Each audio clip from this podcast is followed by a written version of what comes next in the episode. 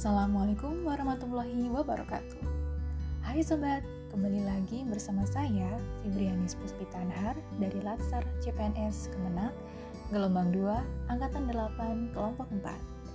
Senang sekali nih bisa kembali menyapa sobat sekalian pada sesi Learning Journal pembelajaran Distance Learning.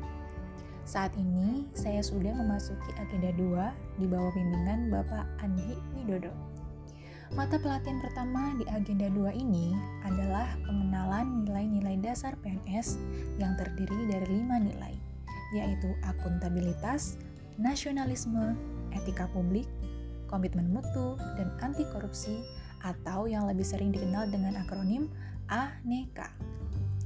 Nilai-nilai aneka ini sangat penting untuk dikenalkan dan diketahui oleh para calon ASN. Mengapa? Karena nilai-nilai aneka menjadi dasar berperilaku, dasar bertindak bagi ASN agar menjadi ASN yang bermartabat dan profesional sehingga perlu ditanamkan sejak dini pada ASN-ASN muda. Karena begitu pentingnya apabila seorang ASN dapat mengaplikasikan satu saja nilai dari aneka, maka akan membawa dampak positif yang sangat besar. Sebagai contoh, pada kasus-kasus korupsi yang akhir-akhir ini banyak terungkap dilakukan oleh kalangan pejabat ASN. Hal tersebut tentu saja dapat dihindari apabila yang bersangkutan memegang nilai-nilai aneka.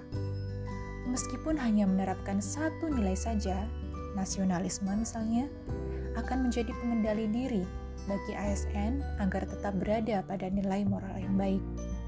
Lebih luas lagi, apabila nilai nasionalisme dapat menjadi semangat dan diaplikasikan oleh setiap orang, maka masyarakat madani yang sejahtera yang kita dambakan bersama bukan tidak mungkin akan dapat terwujud.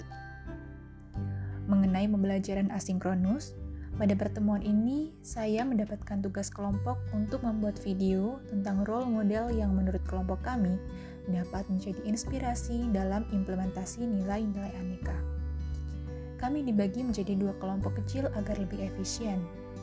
Menurut saya, ini adalah gagasan yang baik karena memungkinkan kami untuk bisa memperoleh hasil yang berbeda, kemudian terjadi diskusi, dan pada akhirnya memperkaya pemahaman satu sama lain dengan mengangkat kisah dua tokoh yang berbeda sekaligus.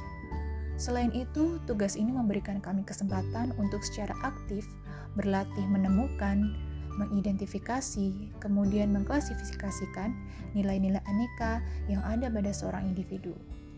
Dengan begitu, harapannya kami bisa semakin terlatih untuk familiar dengan nilai-nilai aneka dan lebih mudah menginternalisasinya menjadi bagian dari nilai-nilai di dalam diri kami.